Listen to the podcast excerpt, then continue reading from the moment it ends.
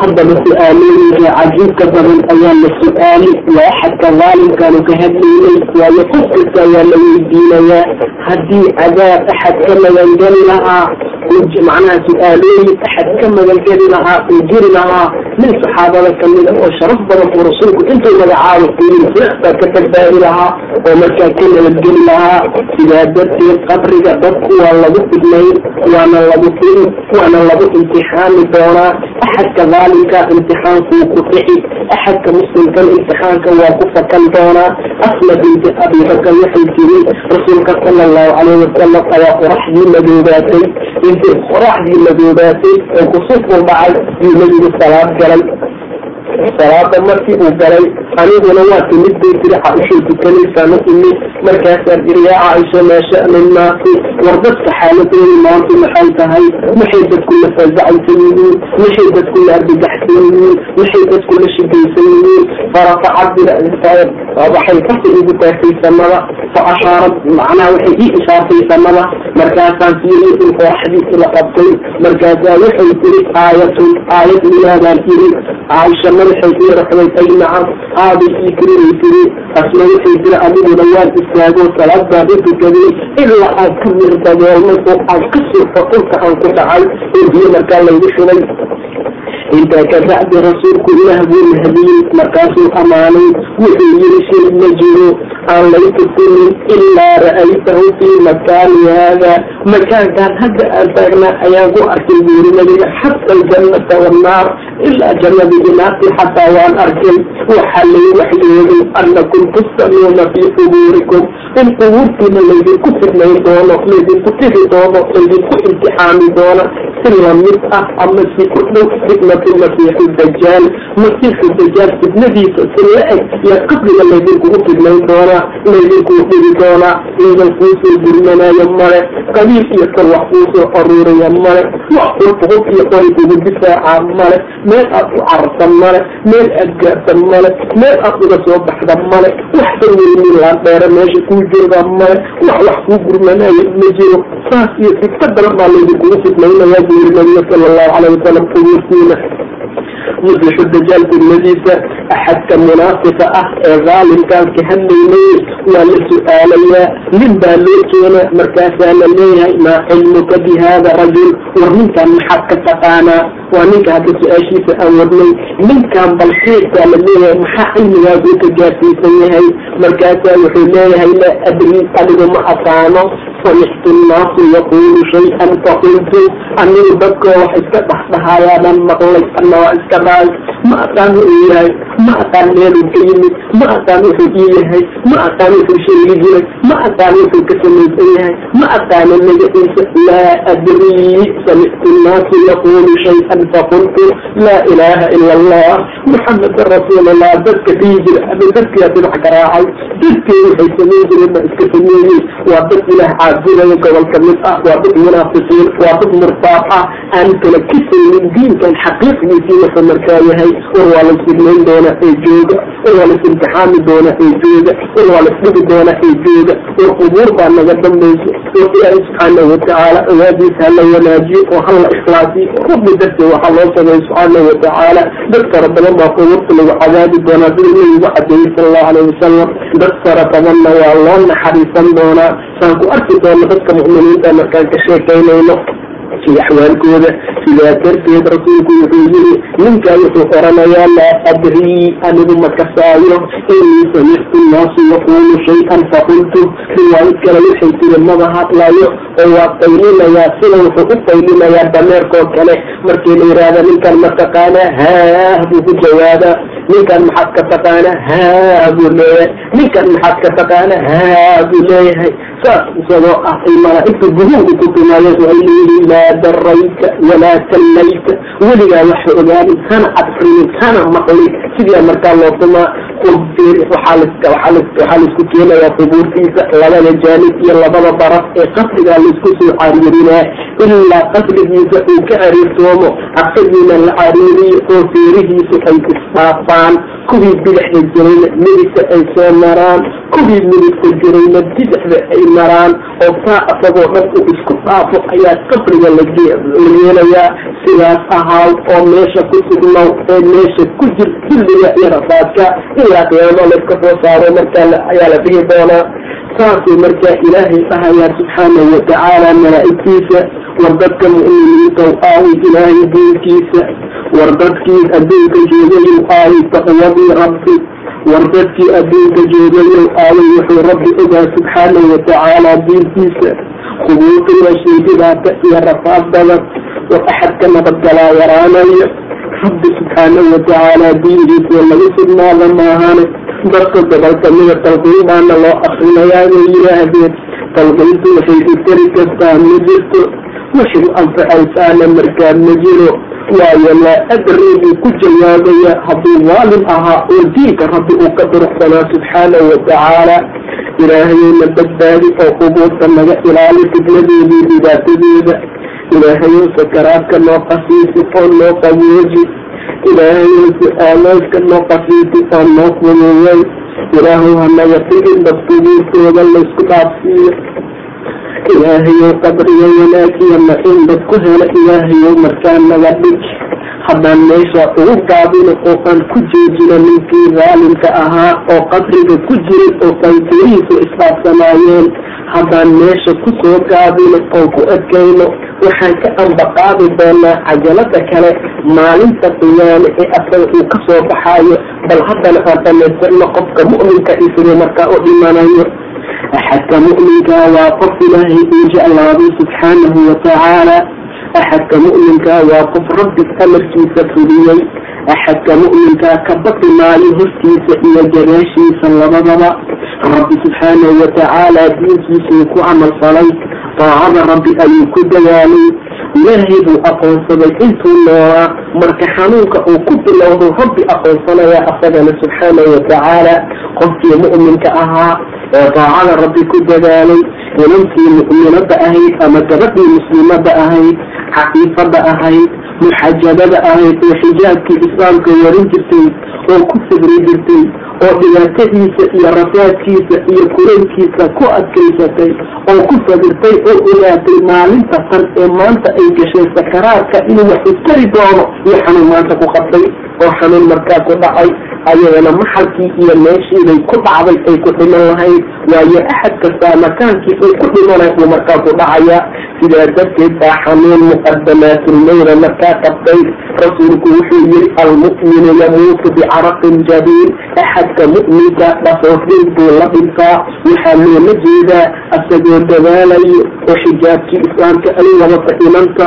kitaabkii rabbi gacan ay ku wadato dembiishay suuqa kaga adeegi lahayd gacan kale ay ku wadato xalaal ay raadinayso xaraan ay ka burqayso rabbi amarkiisa fulintiisa ayadoo rafaadka iyo dhibaatada iyo shidada iyo ayadoo raaxaysan ayday ku jirtay dhimanaysaa yihiri salawaatullahi wasalaamu calayh almu'minu yamuutu bicaraqin jadiin dhafoordin buu la dhintaa asagoo dadaalayo xalaal raadinayo xaraanka orkayo soomayo salaadayo daacada rabbi uqumay ayuu axadka muuminkaa markaa dhintaa alxaafid geeridii baa ku soo xaadiri asagana qofka mu'minka ah markay geerida ku soo xaadirto kala duwaana intanku ay ku soo kala ordayaan wixii wax tufayeen loo raadiyo wixii rabbi subxaanahu watacaala agtiisa wanaag looga rajeynayo loo raadiyo dariiqna dhaktar asagiina loo raadiyo balse waa geeri meel ku soo xaadirtay daawaana wax ka tari tufistaana wax ka taray wax kaloo lagu sameeyan meesha wax ka taraynin waayo rasuulku wuxuu yihi xabatu sawdaa shifaa kula shayin ila saan xabatu sawdaha geedka la yihahdo waa u daawo. Shay kasta ilaa saamkii malkumeedka maahane. Inta kale dhan markaa daawo u noqonaya. Marka sidaa darteed inantii muslimada ahayd ama inankii mu'minkaha oo markaa dhimanaya oo dadku ay ku soo kala yaaceen oo biyii lagu tirfiyey oo bafiskii lagu dooday yo asagana maanta sheekadiisa aan ku jirna asagana malakulmeedkiibaa u imaanaya malaa'igta asaga ka qaadaysa xayaatada iyo malaa'igtii kii hore xayaatada ka qaaday way kala gedisan yihiin. Malaa'igtii hore naadicaad baa la yidhaahdaa kuwaana naashitaad baa la yidhaahdaa siduu kuwa ugu dhaartay uu rabbi kuwaana ugu dhaartay uu yidhi wanaashidaati nashda malaa'igtii sahlaysay oo fududeynaysay oo si sahlan oo aayara uga qaadaysay nafsadan kuminadan ku dhaartay saasuu yidhi ilaahay subxaanahu watacaala wanaashidaati nashda mar allaala markii loo yimaado la kulanka rabbi ayuu jeclaysanayaa oo waxaa la tusayaa ridwaanka iyo raabi ahaashada iyo jannada alla agtiisa uu ku leeyahay subxaanahu watacaala dadkan qaraabada ayaa boodaayo qofkasla boodaayo oo tabiib raadinayo wax raadinayo maahaane asagoo kama haysada arrintaas oo dhanba. Mawjada rabbi buu la haystaa subxaanahu watacaala waxaa loo ardiyey oo loo bandhigay oo la tusay maqcadkii uu ku lahaa jannada iyo wanaagii. Intiibaa markaa la tusay markaasaa shay uu kaga farax badanya inuu rabbi la kulmo uusan markaa jirin meeqaa la arkay ayagoo dhiman raba oo iska ilka cadaynayo oo markaa faslayo bishaaradu kale waxay tahay malaa'igtaa u imaanaysa markaasay leeyihiin yaa ayatuha annafsu lmutma'ina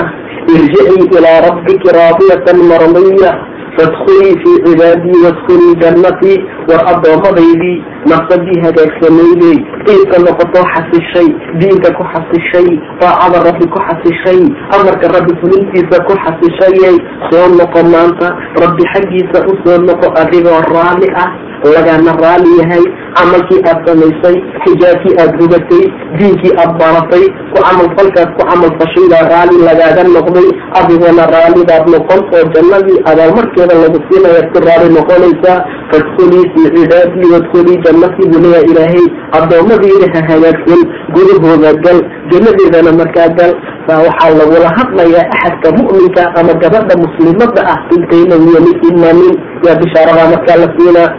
maxadaalika malaa'igtii meydkaa imaanaysa markay u timaado salaamun calaykum baa loogu jawaabayaa ha cabsanina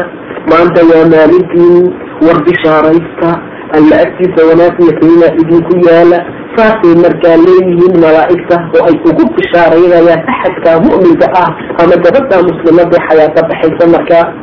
xayaato bixii markuu u dhammaado oo nafsadii ay ka baxdo oo nafsadii laga qaboojiyo oo laga tirnoodo waa la qaadayaa. Samada ayaa la geynayaa. Albaab kastoo samada kamidana waa loo furayaa nafsadiyo udgeyso nafsadiyo cafayso nafsadiyo wanaag iyo qiimo markaa dhex mutaysata malaa'ig kastoo agteed ee martana waxay leeyihiin nafsadan diinka iyo wanaagii cabsa ka socota yaa waaye fulaanata ibnu fulaana waa hiblaayo oo gabar hiblaayo ahay oo hebel iyo hebel uu dhalay oo mu'minad ahay oo diinka lagu dhigi jiray oo xijaabka lagu caan jiray oo ku sabri jirtay. Waa wiil mu'min ah oo daacada rabbi ku sabri jiray. Saasaa markaa loo leeyaha loogana warbixinayaa ilaa la geeyo ciliyiinta kalaa ina kitaaba alabraari lafii ciliyiin wama adraaka maa ciliyiin kitaabun marquub yashhadhu lmuqarabuun buu yiri ilaahay meesha ciliyiinta markaa la geynayaa nafsadiisa oo meeshaasaa markaa wanaag iyo qiim uu ku noqonaya haddaan asagii u soo noqona waa la hagaajin waa la nadiifin waa la xardaya waa la udinayaa wax walbaa lagu samaynaya kolkaasaa salaadii janaasada lagu tukanaa salaada janaasada marka lagu tukado waxaan u soconaa asagiina kullay meydkii laga qaadabay dadku dhahayaan waayo dadku waxay ku jecel yihiin inta aada nooshahay haddana aada xoolo haysato haddana aada caafimaad qabto dadku way ku jecel yihiin. Markaad xoolo weyso markaad bugto badan tahay iyo markaad dhimatada dadku waa ku nacaan. Faa-idii dhinaatay markaad kumalihid sidaa darteed ayaa nafsadii ayadana mu'minada ahay oo daacada rabbi ku dadaalaysay oo amarka rabbi fulinaysay la soo qaadaya oo janaasadii la soo saara. Rasuulku wuxuu yihi sala allahu calayhi wasalam janaasada haddii la soo geliyo sariirteeda faxkamalaha arijaal rag ayaa xambaarayo qoortooday ku xambaarayaan fain taku saalixa hadday tahay janaaso saalixa waxay leedahay qadimiinii qadimiinii idadejiya war idaqsado igeeya qabriga war ilaahay hortiisa igeeya subxaanahu watacaala war adduunkaan aniga maraya iga dadejiya rasuulkuna wuxuu yihi asricuu biljanaasa. War qofkii dhinta dadejiya oo qabrigiisa iyogeeya fain taku saalixa fakayrun tuqadimuunaha ilay wain taku zaya dalik fasharun tadacuuna can rikaabikum haddii qofka dhintay qof muslima oo tayiba oo nadiifa uu yahay khayr baad u gelinaysaane dhaqso qabrigiisa geliya haddii naf xun ay tahay mashar waaye oo garbaha idinka saarnayd iska dejiya buu yiri sal allahu alayh wasalam iyo dhulka iska dhiga fain taku sawiy fain taku sawiyu dalika fa sharu tafacuuna can riqaabikum. Waa shar qoorta idinka saarnayd ee markaa iska dejiya ee iska dhiga. Saasuu yiri sala allahu calayhi wasalam markii xadkan mu'minka idadejiye buu oranayaa. Dhaksaha qabriga igeeyuu leeyahay. War ilaahay hortiisa igeeye saasuu markaa leeyahay joojinta la joojinayo tartiib so-ashada tartiib loo wadaayo intaasoo dhan waa ka xumaanaya wuxuuna jecel yahay si degdega in qabriga loo geeyo. Waayo nebiga xadiid kale ayuu ku yiri ma banaana jiifka mu'minka ah waa miidka mu'minka loola jeedaa in lagu dhex xabiso bayna mataqaana ahlihi ehelkiisa dhexdiisa. In lagu dhex xabisa macaha qofkan qof mu'min ah waayo oo nadiif ah dhaksaha qabrigiisa gee jannadiisa arkee asagaa adduunka o dhan ba markaa hilmaami doona. Iyo wax alla lagu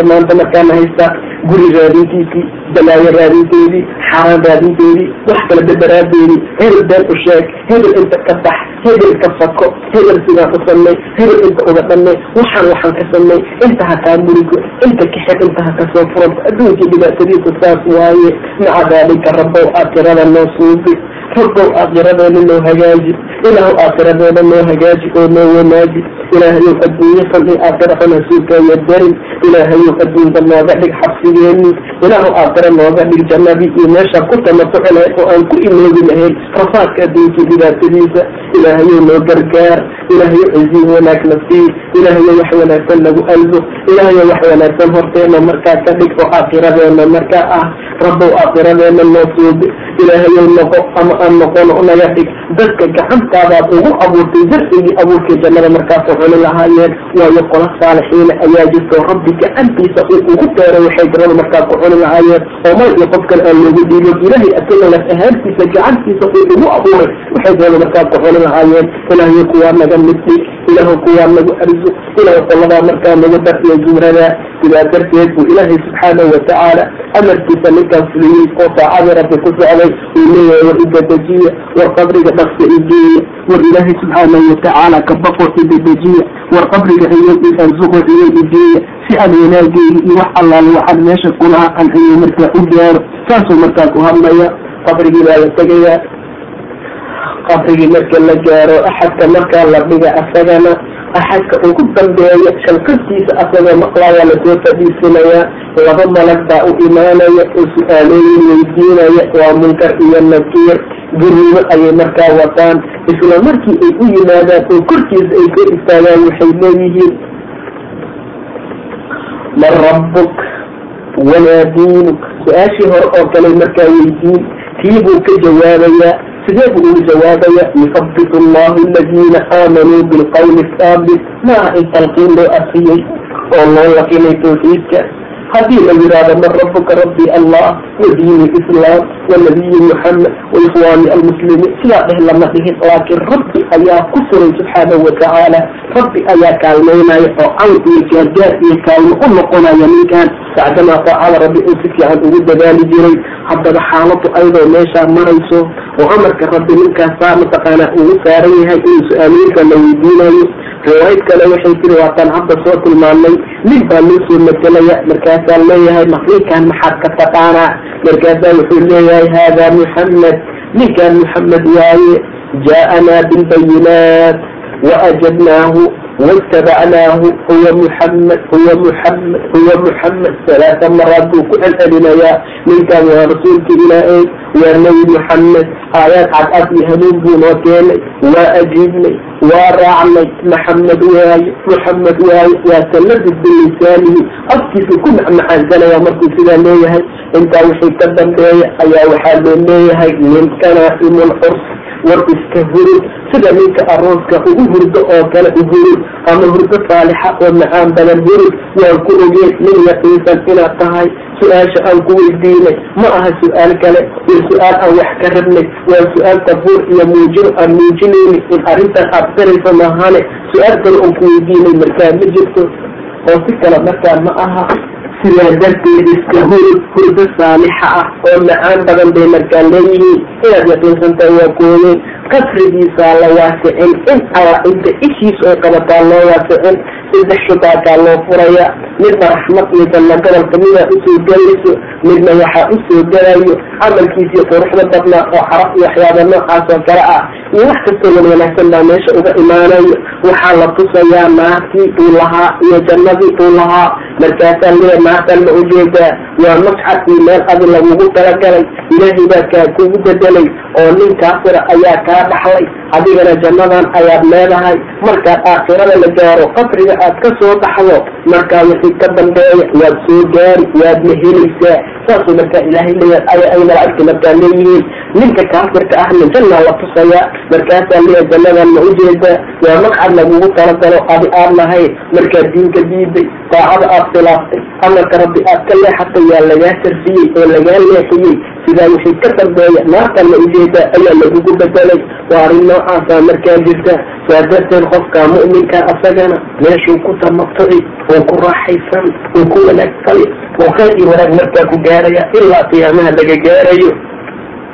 qiyaamaha kolka la gaaro oo suulka qiyaame la afuufana saasaa loo soo kala baxayaa marka dadka mudaalimiintana sidii ninkii hore aan soo tilmaamay u dhimanaya dadka mu'miniinta ninkan dambe hadda aan tilmaanay isugu dhintay isugu dhintay u dhimanayaan. Maca daalika qabriga iyo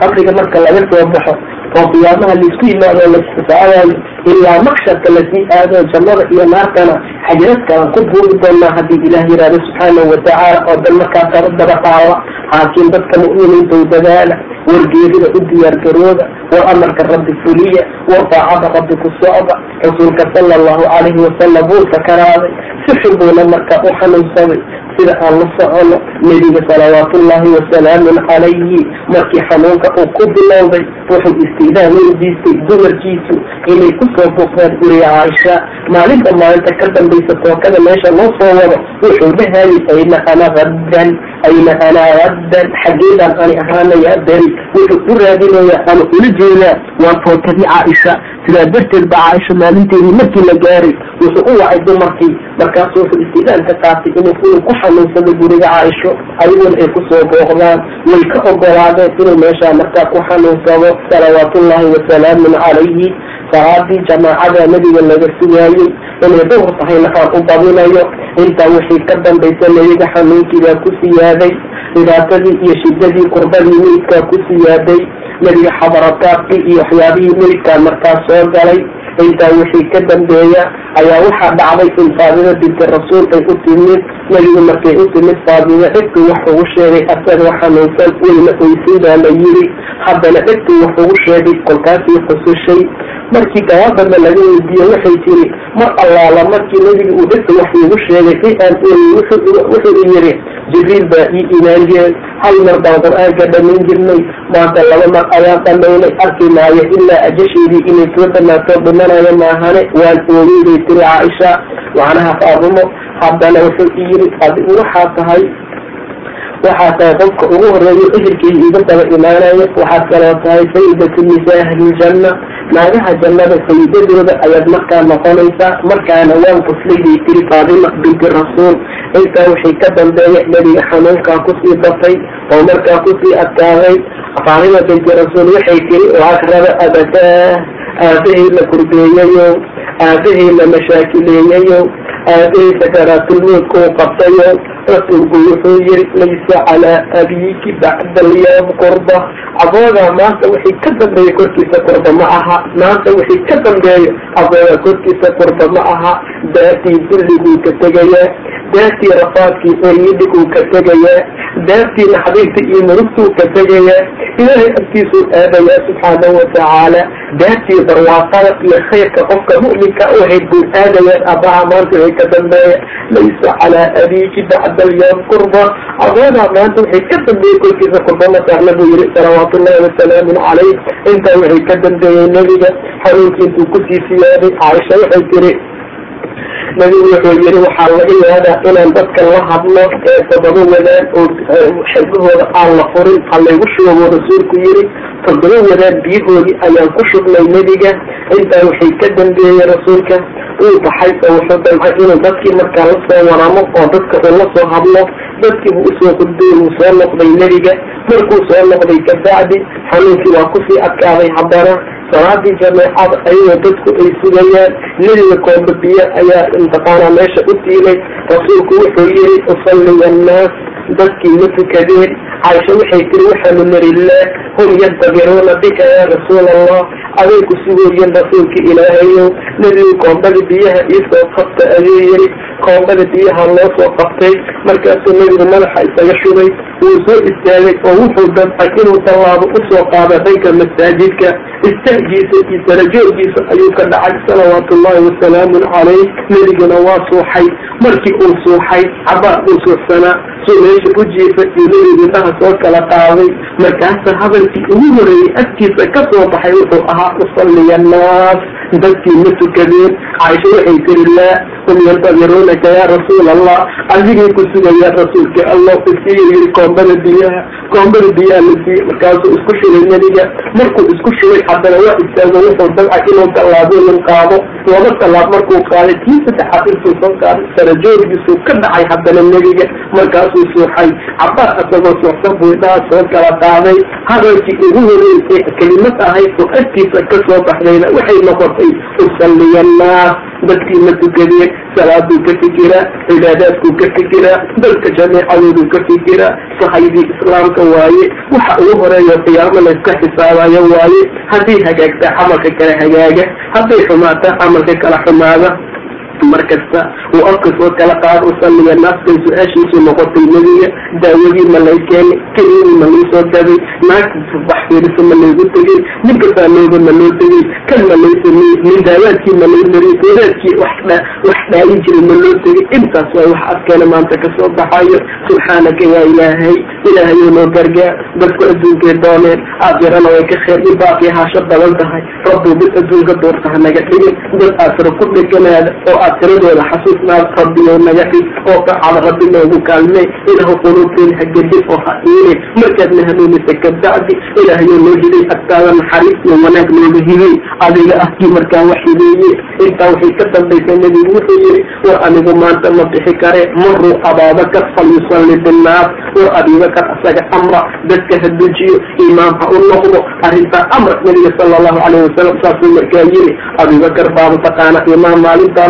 noqday wayrigana salawaatullahi wasalaamun calayhi asaga markaa markuu xogaa qafiifnaasho helay wuxuu damcay inuu baxo oo markaa masaajidkii u aado nebiga mare ayaa madaxa ugu xirnay kolkaasuu soo istaagay. Laba nin asagoo ay hogaaminayaan lugihiisana dhulka uu ku jiidmayo salawaatullahi wasalaamun calayhi. Intaa wixii ka dambaysa masaajidkaa la keenay oo abibakarna wuxuu tujiyey abibakar dhinaciisaa la fadhiisiyey. Abibakar asagana imaamnimadii nebiguu ku dayanayey abibakar dadku waxay ku dayanayeen abibakar imaamnimadiisa sidaa darteed baa rasuulka sala allahu calayhi wasalam xanuun faaso asaga uu soo maray. Caisho waxay tiri markaan arkay xanuunkii iyo geeridii nebiga qof kale sakaraadkiisa iyo geeridiisa kama aanan mixin bay tiri waayo rasuulku intuu biyaha gacanta geliyo oo madaxa marsado yuu leeyahay allaahuma acinnii calaa sakaraati almowt wa kamaraati almowt ilaahu iiga gargaar sakaraadka meydka xanuunka uu leeyahay rafaadkiisa dhibkiisa rabbow iiga kaalmay oo iiga gargaar saasuu markaa rasuulku lahaa salawaatullaahi wasalaamun calayh. Haddaba dadka mu'miniinta u dadaala war dadka muslimiinta oo daacada rabbi ku dadaala war qof kastaa waa dhiman oo adduunkuu ka tegi. Qof kastoo aad tiraad aadaysaa oo rabbiyaa laga horgeyn doonaa. Wardaba waad dhimanaysaan saad u hordaysaan oo kale waa laidinsoo bixinayaa sida aad u soo toostaan oo kale. Acmaashiina laydinku xisaabi doonaa. Qiyaamaha marka aad tagtaan rabbi agtiisaa laydinku xisaabi doonaa. Waxaana la kala ogaan doonaa aya munqalabin yanqalibu meesha marka ay tahay addoomo alloo saalixiina noqda ilaahayo noo gargaar ilaahu xanuunka iyo sakaraadka naga qafiifi ilaahayo su'aalooyinka noo fududeey ilaahayo ha naga dhigin dadka dhahaya yaa weylahaa ayna tadhabuuni bihaa ilaahayo nagu dar jameecada dhahaysa qadimuunii qadimuunii rabbow nagu saacid saacadaada iyo diinkaada allahuma acina calaa dikrika wa shukrika wa xusni cibaadatik rabbi waxaanu ka baryaynaa kuwa geerida xusuusta inuu naga dhigo waxaana intaa ka sii ambaqaadi doonaa oon ka sii sheekeynaynaa haddana qiyaamaha iyo soo saaritaankeeda sida uu yahay. Wa aquulii qawlii haada wa astakfir allahu lii walakum walisaa'ir lmuslimiin wabillahi tawfiiq wallahu subxaanahu watacaala aclam حياة الدنيا إلا متاع الغرور صدق الله العظيم ilaahay subxaanau watacaala wuxuu ballan u qaaday naf kasta oo xayaata iyo nolol dhadhamisay inay geeri dhadhamiso mawduuc gaaban oo geeridii axwaasheeda ku saabsan ayaan doonaynaa inaan caawo halka kaga hadalno. Rabbi subxaanau watacaala kitaabkiisa wuxuu ku yiri kullu nafsin waa'iqatu mowt naf dhammaanteed geeri ayay dhadhaminaysaa. Naf dhammaanteed waa sii dhimanayso naf waa tii ruux bixayso naf waa tii adduunka adduunka intay ka xayilato aakhira u guuri doontaa kullu nafsin waa'iqatu lmawt naf kastaa waa tii geeri iyo miid dhadhamisaa haddaad dhimataan oo qubuurta laydin dhigo oo ilaah subxaanahu watacaala laydiin geeyana wa inamaa tuwafawna ujuurakum yawma alqiyaama ajradiina maalinta qiyaama ayaan toofinaynaa waxa aad maanta samaynaysaan acmaasheeda iyo ajirkeeda iyo mushaharkeeda maalinta qiyaamaan idin oofinaynaa faman yuxdixa cani innaar waudkila aljannata faqad faaz qof allaala qofkii janno la geliyo oo cadaabka laga durjiyo oo laga dhaqaajiyo liyaayey wama alxayaatu ddunyaa ilaa mataacu lguruur nolosha adduunka ee maanta la nool yahayna ma aha ilaa raaxaya oo dadka sirta maahane saabuu ilaah yiri subxaanahu watacaala haddaba walaalayaalow dadka adduunka jooyow waxaad ku tala gashaan wafii yawmi min alayaam inay geeri imaan doonto iyaa la guurayaa daa adduunaa laga guuraa oo daa aakhiraa loo guuraa. Aftiinkaa laga guurayaa oo mijigaa la aadayaa waasixtinimadaa laga guurayaa oo qabriga ciliiligiisaa loo guurayaa intaasoo dhanna axadku waa inuu ku xisaabtamaa uu ogaadaa in arrintaa markaa ay jirto. Sidaa darteed ayaa naf kasta ay dhimanaysaa rabbi geeri iyo nololba wuu qalday liyabluwakum ayukum axsanu camal inuu idinku imtixaamo kiina idinkugu camalka wanaagsan qofka aakhira u diyaargaroobaayo qofka maalinta qiyaamo u diyaargaroobaayo qofka geerida u diyaargaroobaayo qofka ilaahla kulankiisa u diyaargaroobaayo intaasoo dhanba iyo kaan intaba ahayn iyo rabbi ku imtixaamaya subxaanahu watacaala haddaba dhimashadu waa xaalad cajiib badan waana arrin soo marayso axad kasta oo xayaata markaa dhadhamiyey. Rasuulkaa geeriyooday sala allahu calayhi wasalam inaka mayitun wa inahum mayituun baa lagu soo dejiyey. Adigu waa dhiman ayaguna way dhiman doonaan. Intaa wixii ka dambeeyana rabbi agtiisaad ku duwanaysaan buu yiri subxaanahu watacaala geerida rasuulku waa xaalad cajiibtada qabku uga sheekeeyey iyo sida markaa u soo martayba dhimashadu waa xaalad qofku inuu ku cibro qaato ay wanaagsan tahay. Dhimashadu waa arrin qofku inuu xusuusnaado ay ku wanaagsan tahay. Geeridu haddii la iloobo adduunka ayaa loo tartamayaa. Geerida haddii la iloobo qalbigaa qalalayo geerida haddii la iloobo diinka rabbiyaa laga tegaya subxaanahu watacaala rasuulku wuxuu yiri laba xaalad hadday idiin kulanto kaafiriintu way idinka adkaanayaan dulligaa korkiina ku sugnaanayo gaaladuna ijiri idinka yeelan doonaa xubu dunyaa wa karaahiyatulmawt waa geeri oo la naco iyo adduun oo la jeclaado. Geeri lama naco ilaa adduun baa la jeclaadaa adduunna lama jeclaado ilaa geeri ayaa la nacaa geerida qofka necdaada geerida qofka ka durqa geerida qofkan u diyaar garoobay waa qof khasaaray oo hoogay caaisha waxay tiri radia allahu canha rasuulka alla waxaan ka yeeyey inuu qof allaala qofkii la kulanka rabbi naca rabbi la kulankiisuu naca qofkii la kulanka alla jeclaadana rabbi la kulankiisuu jeclaada subxaanahu watacaala waxaad iideysiri kullama nakrahu lmawt yaa rasuul allah dhammaantood rasuulka alla geeri ma jeclin. Anagu nafta nalaka qaadaa ma rabin in aakhiro nala geeyaa ma rabin qof annaga naga mid ah? Oo geeri jecel ama qalbiga ay ugu jirtaa ma jirta rasuulka allow rasuulku wuxuu iigu jawaabeysay arrintu sidaa ma aha laakiin axadka mu'minka ah. Marka lagu soo xaadiro oo wafaadkii geerin ay ku soo xaadirto calaamaadkii sakaraadka miidka lagu arko. Waxaa loogu bishaareeya jannada iyo wanaaga uu ku leeyahay ilaahay agtiisa ma jiro shay uu kaga jecel badan inuu rabbi la kulmo la kulanka rabbi ayuu jeclaada markaasuu rabbi la kulankiisa jeclaadaa isagana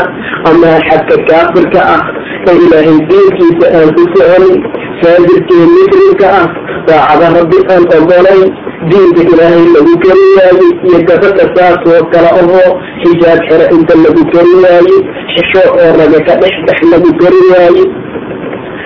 diinka alla baro oo xumaanta iyo fidkuga ka leexa lagu kari waaye marka lagu soo xaadiro mukhadamaatulmowtku ay gasho wafaadka iyo geerideedu ay soo dhawaato ayaa loogu bishaareeyaa ciqaabkay alla agtiisa ku leeyihiin. Ma jiraan shay ay kaga naxood badan yihiin la kulanka alle la kulanka allay nacaa kolkaasuu rabbi asagana la kulankooda uu nacaa subxaanahu watacaala rabbi la kulankeena ma nace geerida ha loo diyaargareeyo rabbi la kulankeena ma nace rabbi amarkiisa iyo daacadiisa hala fuliyo haddana waxaanu ka sheekaynaynaa geeridii axyaashiini sida marka ay tahay waxaanu ku bilaabaynaa axada dhaalim ah oo faajir ah oo daacada rabbi aan ogolayn diinta rabbana lagu keri waayo geeridiisii dhimashadiisa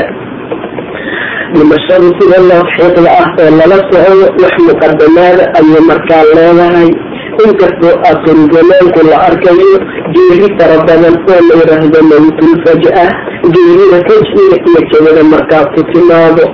waa qofka oo aan xanuunsadin waa qofka oon sakaraadin waa qofka oon dardaarmin oo geeridu markay ku timaado arrinta noocaasa waa nooc minalka qaab ka mid ah rabbiha naga badbaadiye mawtulfaja oo noocaasa markaa way jirtaa qoonna markay zinadu ku faafto yaa mawtulfajaha uu ku faafaa. Marka macaasida xumaantu ay ku faafto yaa mawtulfajaha uu ku faafaa. Mawtulfaju waa cadaab mawdka fajada waa miir ila subxaanahu watacaala uu kugu talagalo in dadku ay ku dhibaatoodaan rabbi subxaanahu watacaala ninka daalimka ah iyo ninka mu'minka labaduba waa dilayaa agtiisayna markaa tegayaan. Waxaan ka sheekaynaynaa laakiin marka hore ninka daalimka in kayfiyooyinka markuu u dhinto haddaan ka soo qaadna nin noocaas oo kale ah yaa xanuun qabanayo xanuunku markuu qabto xanuunka noocaasa waa sakaraadkii iyo muqadamaadkii geerida meel buu ku dhacaya firaashkiisa markaa ah firaashkii uu ku dhacay dadkiisii way u soo kala ordayaan waa lagu soo kala yaacayaa waa loo wada imaanaya qoomid baa loo raadinayaa culimo kutubtaa loo raadinayaa kul wax ukaraayasa markaa ma jiro waayo rasuulka ilaah salawaatullaahi wasalaamun calayhi wuxuu tilmaamay ama uu cabiray sakaraadku inuu xanuun badan leeyahay naf ahaantiisa nebigu markuu sakaraadsanaa wuxuu dhahayay allaahuma acinnii calaa sakaraati lmawt wa gamaraati lmawt ilaahu iiga gargaar sakaraadka xanuunkiisa ilaahu iiga gargaar miidka dhimashadiisa iyo xanuunka marka uu leeyahay salawaat ullaahi wasalaamun calayh haddaba ilaahayna aayad kale ayuu ku yiri kalaa idaa balagat itaraaqiya waqiila man raaq marka nafsadu kalxamaha ay soo gaarto oo tanku ay leeyihiin yaa tusayo war aayadkii tuska fiicnaa war aayad qoladii wax tusi jirtay hanoola ku waco sidaa ay leeyihiin oo dadku ay gaararka ka fadhiyaan oo wax alla wixii dadaala ay ku samaynayaan oo dadku ay kala ordayaan wadanna annahu lfiraaq ninka meeshaajiisa wuxuu yaqiinsaday inuu faaruqayo adduunku ay u dhammaatay biicmisha dambe uunay tiri doonin gaari dambe uusan raaci doonin xariiradiisii naasuuqay uu ka dhex bixi doono owlaadii uu ka dhex bixi doono qabri uu ku socday u huyan doono doono caawa wixii ka bilowda arrinta noocaasa u yaqiinsato u xaqiiqaynin ninka markaa meeshakiisa dadku way kala cararayaan way kala yaacayaan way qabiib raadinayaan way raadaayeynayaan wax kastay markaa ku samaynayaan rabbi subxaanahu watacaala cajaa'ibta meesha taala asagoo ka waramaya wuxuu yidhi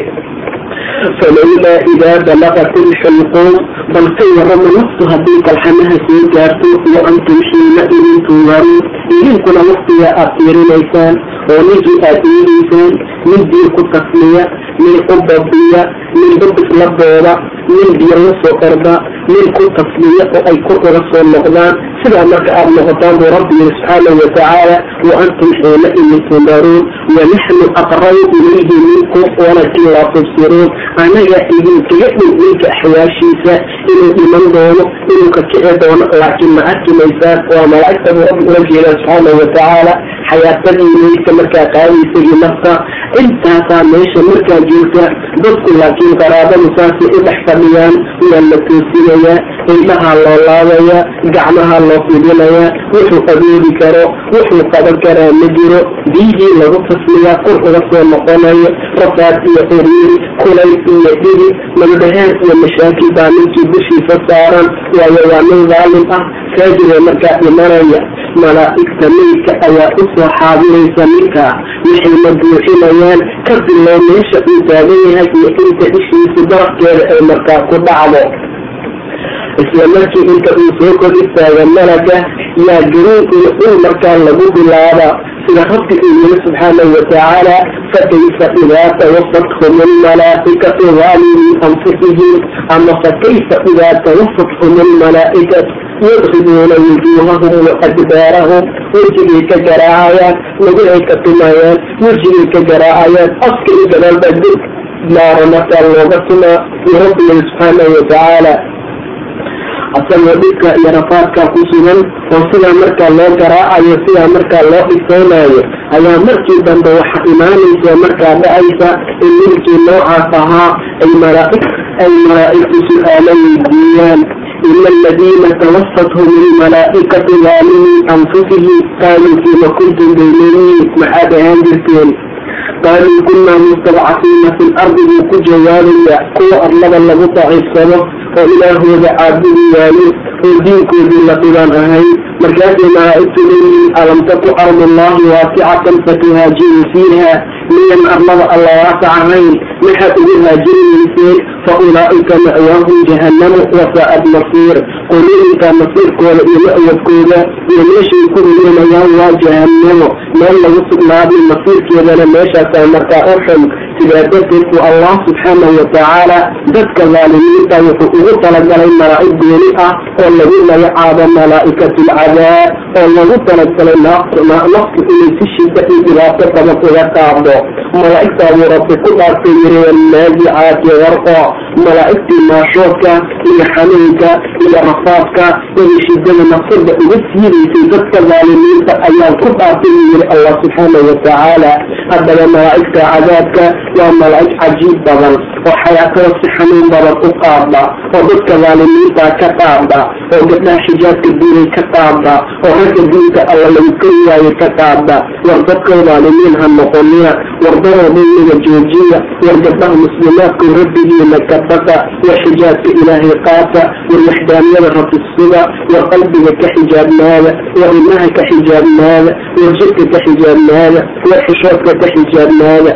kasta xijaabka idinkaga sugnaado war dadkaa cala rabbi ku dadaala noqda war dumarow haddaad hagaagsaan adduunku waa hagaagaya haddaad xumaataan adduunku waa xumaanaya war guryihiina ku sugnaada tabaruj ha u soo bixina sida jaahiliintu ku tabaruji jireen oo kale war salaada hagaajiya war zakada bixiya war alla ateeca war rasuulka ateeca war akriya aayadaha alle iyo sunnada nebiga sala allahu calayhi wasalam intaasaa nadaafad iyo wanaag aad ku gaari gaari kartaane warradu idinkana daalimnimada joojiya war khamrada joojiya war dunada joojiya war xumaata joojiya war naftiina hura war diinka rabbi difaaca war aylaha alla barta war khayraadka ku dadaala war rabbiya u soo rujuuca war tawbad keena war fikirka taasaad ku fikiraysaan xumaantii adduunka joojiya war hamigiina aakhira ku xira war niyadiina aakhira ku xira war hamigiina adduunka ka joojiya war rabbi daacadiisa ku dadaala war ilaahay kala saarta war xumaanta joojiya cayda joojiya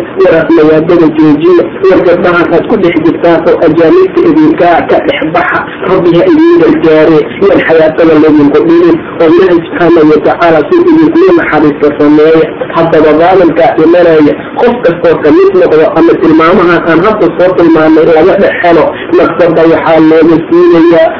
oo lagu siray meel bir ah sida looga siibo oo kale ayaa looga bixinayaa. Ama qofka mu'minkaa waa arki doonaa markay sheekadiisa gaarnee sida cajiib halkii saaran oo laga soo qaado oo kale yaa nafsada looga qaadi doonaa ilaahay subxaana watacaala amarkiisuu diiday midkaan bacdamaa dadku ay tuutuusinayaan oo saa ay ku samaynayaan markii dambe nafsadaa laga soo jiidayaa lugaha laga soo bilaabayaa ilaa jilbaha markaa loogu keenaa. Waxoogaabuu istariixayaa xanuunka inta lugaha laga soo jiidayo jilbaha la keenayo aad buu u dhibtoonayaa qofka. Waxaa ka soo baxaya qaylo cajiib badan oo la malaysan karin. Waxaa ka soo baxaya cod aysan dadku qayb kamida dhagaysan karin. Waxaa ka soo baxaya ama indhihiisu ay noqonayaan kalladii yukshaa calayhi min almowt ninkii geerida lagu daboolay dushiisa oo kale sidaa darteed baa marka jilbuhu ay u soo gaarta nafsadii jilbaha laga soo bilaabayaa haddana inta jilbaha loo keenaa waxoogaa loo istareexinayaa. Dadku waxay leeyihiin waa wanaagsanaaday dadku waxay leeyihiin wuu caafimaaday. Dadku waxay leeyihiin carbad baa la furay uu ku wanaagsanaaday dadku waxay leeyihiin waa lagu tufay markaasuu fiicnaaday balse waxba kama jirta arrintaas oo dhan laakiin nafsadiibaa jilbaha u joogta. Jilbaha laga soo qaadayaa haddana xanuunkii waa ku bilaabanayo dadku way kala roorayaan. Qoladii tabliidkii raadini qola daawadii raadini qola waxay raadinaysaa wax allaale wixii tufir ku jiray. Dhulka markaa ku wanaagsanaa daawada ii raadinuu leeyahay waayo nin daalim ah waaye war islaamta kutub ka fiirisa iigutaguu leeyahay xanuunkeeda ha ogaato nin buka boqol inka lisayey maxaan sameeyaa? Maxaan cunaa? Maxaan kacaa? Maxaan fiiriyaa? Maxaan shugaa maxaan ku qubaysaa uu ku jawaabaya waayo nin daalim ah waaye laa ilaaha ila allah afkiisa ma soo maraayo subxaan allah afkiisa ma soo maraayo. Wax kaloo afkiisa soo maraayo ma jirto aan ahayn wuxuu isku daaweyn lahaa wuxuu ku qacsan lahaa wuxuu markaa cuni lahaa. Xanuunka markuu ku sii siyaado ayaa waxaa loo keenayaa haddana ilaa xundurta xundurta markii u timaado ayaa laga joojinayaa. Xundurtaa laga soo bilaabaa haddana ilaa kalxamaha ay markaa ka timaado kalxamuhu marka ay yimaadaan waa meesha dhargarka iyo eyeerka markaa la yidhaahdo ilaahay subxaanahu watacaala asagoo meesha cabiraayo wuxuu yiri oo ka sheekeynaayo markii xayaatada meeshaas soo gaarto oo dhibaatada weyn ay markaa leedahay iyo rafaadka iyo shidada meesha ay ku sugnaanayso. Marka xayaatadu ay soo gaarto kalxamaha oo andirhum yawma alaasifa lada alxawaajin kaadimiin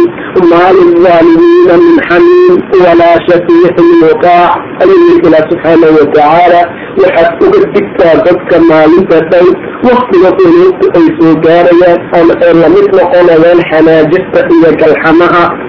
ayagii weliba kaadimiinoo caburan ninka daalimkaa wax xamiim ah male wax saaxiib ah male wax shafeeca oo shafeecadiisa la ateecana male buu yiri ilaa subxaanahu watacaala isla markii xayaatadii markii laga siibo oo laga bixiyo qofka mu'minka qofka mataqaanaa daalimka ah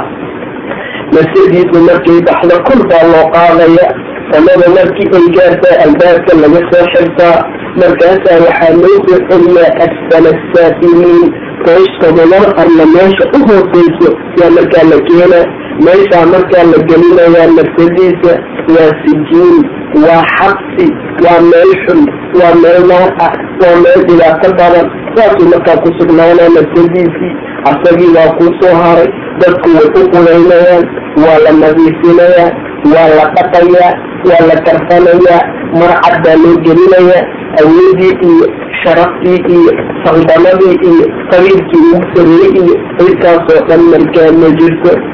meydka naga qaadaa la dhigi meydka naga bixinay dadku dhihi doonaan qof kasta oo dadkiisa kamida waa magaciisa goynayo u dhammaaday sariirta ha ku dhaqina meydka ee ka soo dejiya ee dadku gobol dhahayaan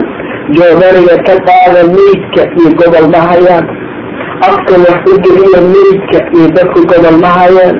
meydkiina la bixiyey dadka banaanka joogaa kugu hadlaya magacii waa dhammaaday wax meeshaa ku yaalaan ma jirto. Daalimna waa ka hadlayna waa laba dhibaato. Adduunkiina meyd baa lagu yiri waa intuu sii socday ilaahay hortiisna wax uga yaalo subxaana watacaala oo haddii dadku ay ku yidhaahdaan meydka naga bixiya balse alla agtiisa wanaagtii qiimo uu kugu horeeyo waxbay markaa noqon lahayd oo ilaahay subxaana watacaala kiisaad wax ka gaarayso sidaa darteed axadkan waa la nadiifin waa la hagaajin waa la karsan wax kastaa loo samaynaya oo hagaagsan kabacdina qubuurtaa loo kaxayn oo markaa loo wadayaa fain cishta alfan wa alfayn buu yiri shaacirkii falaa budda yowma yusiiru ila alqubuur haddaad noolaato alif ama laba alif waa hal mataqaanaa waa kun sano ama laba kun oo sano maalin maalmaha kamida kii qubuur loo kaxaynaa tahay kii qubuur loo wadayaad markaa tahay qofkaa dhintay ee qabriga loo sii rasuulku wuxuu yiri istabicu lmaytu bisalaasa saddex waxyaabood ayaa meydka raacaya limaalihi camalihi iyo ahlihi ehelkiisi iyo qolkii iyo qaraabadii maalkiisiina way raacayaan camalkiisana waa raacaa saddexda xaaladda waa ku sugootinaya fayarjacu isnaan wayastaaxid labay kaasoo noqonayaan mid keliyaana meesha kula joogaayo mid keliyaa qabriga kula joogaayo laba waa kaasoo noqonayaan labada meesha kaasoo noqonaysa waa ehelkaaya iyo mataqaanaa acmaalkaadii baabuuradii iyo waxaalihii dirintii iyo maradii iyo qabriga lagugu geey kulliga lagaa soo celinayaa. Ama camalkaada ayaa meesha kugu soo harayo. In sharuka fa shar wa in khayruka fa khayr. Khayr haddii yahayna asaa ku anfici shar haddii yahayna asagaa ku dhihi si xaalada noqotada qofka mu'minka ah kama hadlayna maantee daalimkaan ku jirnaa daalimka janaasadiisa marka la qabto ee kor loo qaado ee qabriga loo sii wado rasuulku wuxuu yiri haddii janaaso sariirteeda la geliyo oo raggu qoortoodu ay ku qaadaan oo cabaar la sii wado hadday tahay janaaso saalixad ah waxay leedahay qadimuunii qadimuunii qadimuunii dedejiya warkii dhaqsada qabriga igeeya adduunka iga wada adeedi idibka iga bixiya rafaadkii maxsinta iga bixiya rafaadkii mushkilada iga bixiya adduunka dhibkiisa iga wada qabriga igeeya qabriga igeeya qabriga igeeya saasay ku hadlaysaa buu yiri nabiga wa in taku hayru saalix haddii laakiin naf xun ay tahay oon hagaagsanayn oon saalixad ahayn waxay ku hadlaysaa oo ay leedahay yaa weynahaa ayna tadhabuuni bihaa war halaageegiyo xaggeedii wadiin halaageegiyo xaggeedii wadaan war istakaysiyo celiya rabbi irjicuuni lacallii acmalu saalix فيما تركت كلا إنها جميع وقائلها ومن ورائهم برزق إلى يوم يبعثون بير إلى سبحانه وتعالى والهلاكين وجعلية هلاكين وجعلية نجاة لبن في جنية fasaadkii dhibaatadana iyo wajiilma u jeedinmiya? War midka igu horeena u jeedinmiya? Mayna cadeen xaggee ii weydiin yaa weylaha ayna tadhabuuna bihaa yaa weylaha ayna tadhabuuna bihaa yaa weylaha ayna tadhabuuna bihaa war halaageeyo xaggeed ii bixin halaageeyo xaggeed ii weydiin halaageeyo xaggeed isu radaan saasay ku hadlaysaa buli salawaatu ullahi wasalaamu caleyh codkeeda waxaa maqlaya shay kasta oo rabbi uu qalqay. Ila alinsaan bani aadamka mooye walow samica lafaca buu yiri nebigu haddii bani aadamku ay maqli lahaayeen qalimada iyo qaylada way sooxi lahaayeen mana aada isduugi lahayn buu yiri salawaatu wasalaamu caleyh lismiga kala duugaa la yiri lahaa yaa ilaahay makaabuuridiha minku dhahay xaggee la geyn karaa xaggee la warna dadkan maga jeedin miye war baaladan qubuurta bishirka maga jeedin miye war rabaadka dhiiggenaysaan maga jeedin miye war say xaaladataa ma ujeedaan miye war xaggee isii wada saasay nafsadii ku hadlaysaa yaa maqlan ma jiro laakiin qabriga la dhigaya oo markaa la gelinaya qabriga marka la dhigo oo banaanka saa loo dhigo qabriga waa la soconaa waa laba xaalad midna shiqayaa la yidhaahdaa midna lacog lixda mataqaana caramadooda adag baa laga qodaa midka shaqayana waa midka wadankeena laga qodi jiray oo kale dhulka dhulka jiracsan markaa ah oo marka midka la geliyo markoo istaaga la arkaayo midka lixdigana waa mid meel god oo sanduuqo kale hoos loo sii qodaayo oo markaa midka loo geliyo labada xaalada kii loo qodaba ninkaan markii meesha la geeyo isla markii rag ayaa meesha gala qubuurta saad ku aragteenba meydkii waa la soo qabanaya markaasaa la gelinayaa meydka marka dhulka la sii dhigayo dhulka iyo dhinaca laysiga saa soomaali mahmahdeeda saa darteed wax kalli ah ma jiro wax sariir ah ma jiro wax wax kale ah ma jiro. Xasida loo sii wado karfantii caday oo ku xiran iyo kistaa dhulka uu ka leeyahay yaa qofka la gelin. Markii la geliyo oo la soo jiifiyo oo sidaa loo soo qaabilsiiyo oo dhanka qiblada loo jeediyo yaa inta darmiin la saaro oo caro lagu shubo yaa wixii mataqaanaa korka laga saaraa wixii oo dhanba dadku saasay ugu wada shubayaan ciidda naagtiisa dhihi mayso amaa la gelaayo meesha anugiisa dhiimaayo amaa la joogaayo qof la hadlaayo ama qof meeshaa la gelaayaa ma jiro dhowr daqiiqaday dadku bay kamida eegayaan ooyidinay ka baxayaan. Kabacdina waa laga tashanayaa waana laga waana mataqaana la iloobayaa kulli wax asagu uu yahay wax qiimo uu ku sugnaadaada yaraanaya sidaa darteed wa dadka muslimiinta cizooda waxa lagu cizeeya waa cizada ilaah waa cizada islaamka xisada diinta waxa lagu sharafeeyaa waa diinka rabbi oo la qaato waxa kor lagu noqdo oo qofku uu ku liibaanana waa daacada rabbi subxaanahu watacaala haddaba qabrigii markii la geeyey oo ninkii daalimkaa la dhigay oo ciida la saaray oo markaa lagu wada shubay. Dadko dhan way ka soo wada dareerayaan axad meeshaa ku haraayaan ma jiro waayo meeshu waa meel cidla ah. Meeshu waa meel dhibaato badan. Cismaan ibni cafaan radia allahu canhu marka qubuurta laga sheekeeyo waa oon jiray marka naarta laga sheekeeyo si uusan u oon jirin buu sida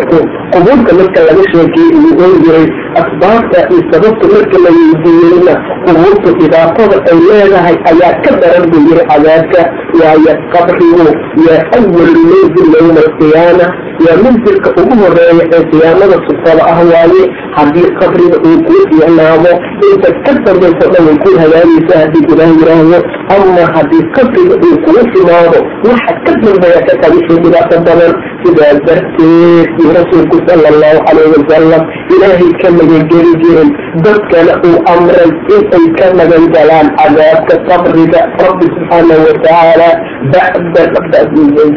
salaada gudaheeda marka atixiyaadka la dhameeyo intaan la salaamo noqsanin ka hor qubuurta ilaahay ka magangala dhibaatadeeda sidaa ayuu yiri afar waxyaabood oo dadka uu amray inay ilaahay ka magangalaan dhibkooda ayayna ka mid tahay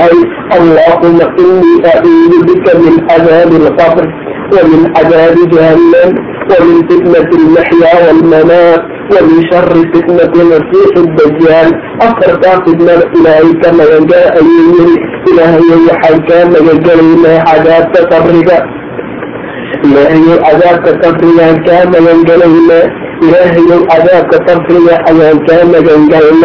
ilaahayow cadaabka jahanadaan kaa magan galnay. Ilaahayow nolosha adduunka fidnadeyda iyo geerida fidnadeedaan kaa magan galnay. Cadaab waxaan kaa magan galnay masiixu dajaal fidnadiisa cadaabka qabriga waxaa loola jeeda. Waa qabrigii lagugu cadaabo waa su'aalooyinka laweydiinayo oo sheegiisu waa qabriga lisfaailayiriyo waa in dhibaato iyo lafaaq aad ku dhex aragto. Cadaabka jahanamana ma sahlana oo mid fudud ma aha. Jahanamo kun sanaa la shilay caddaatay kun kalaa la shilay jadiidatay kun kalaa la shilay markaasay madoodaatay ilaa iyo al-aankana nagoodeeda ayay ku sugantahay markaa ku salaysan tahay sidaa darteed istaqillah warow bishisi tamrada yiri nabiga war naarta ka baqa oo ka gabada oo ka cabsada jixtiyareed ba allah ka dhige sidaa darteed baa dadka muslimiinta waxaa la farayaa inay cadaabka jahanama rabbi ka magan galaan fitnat almaxyaa waalmamaat waa noloshii lagu fidneeyo iimaan oo lagu noolaado diin-aan oo lagu noolaado casiyadii qabil oo loo tacsubo daacada rabbi oo laga leexdo iyo geedada la'aan lagu dhinto iyo khaatimo ximo dajaalna fidnadiisa waa arki doonaa muxaadarooyinka kale haddii ilaah yiraahdo sidaa darteed cadaabka qabriga waa meel noocaas ah ninkii qaalinkaan u soo noqonay hadda aan duugnay markii dadku ka sii wada gadoomaan oo laga soo qiibaatay aan soo tilmaanay camalkiisaa meesha ugu harayo oo meesha la jooga amaa ehelkii iyo intii kale way ka soo wada noqdeen oo dadkiisa marka ahaa iyo maalkiisa axadka ugu dambeeya shalqarkiisa da'askiisa asagoo maqlaya nafta lagu soo celinaya haddana oo la soo fadhiisanaya. Waxa u imaanaya laba malag malakeen baa u imaanaya waa munkar iyo nakiir labadu markay u yimaadaan waxay wataan guriima naarta laga sameeyey ama naartaba laga soo bixiyey. Su'aalooyin baa ninkii la weydiinayaa. Su'aasha ugu horeysa ee la weydiinaya waxay tahay man rabbuk rabbigaaga yaa waaye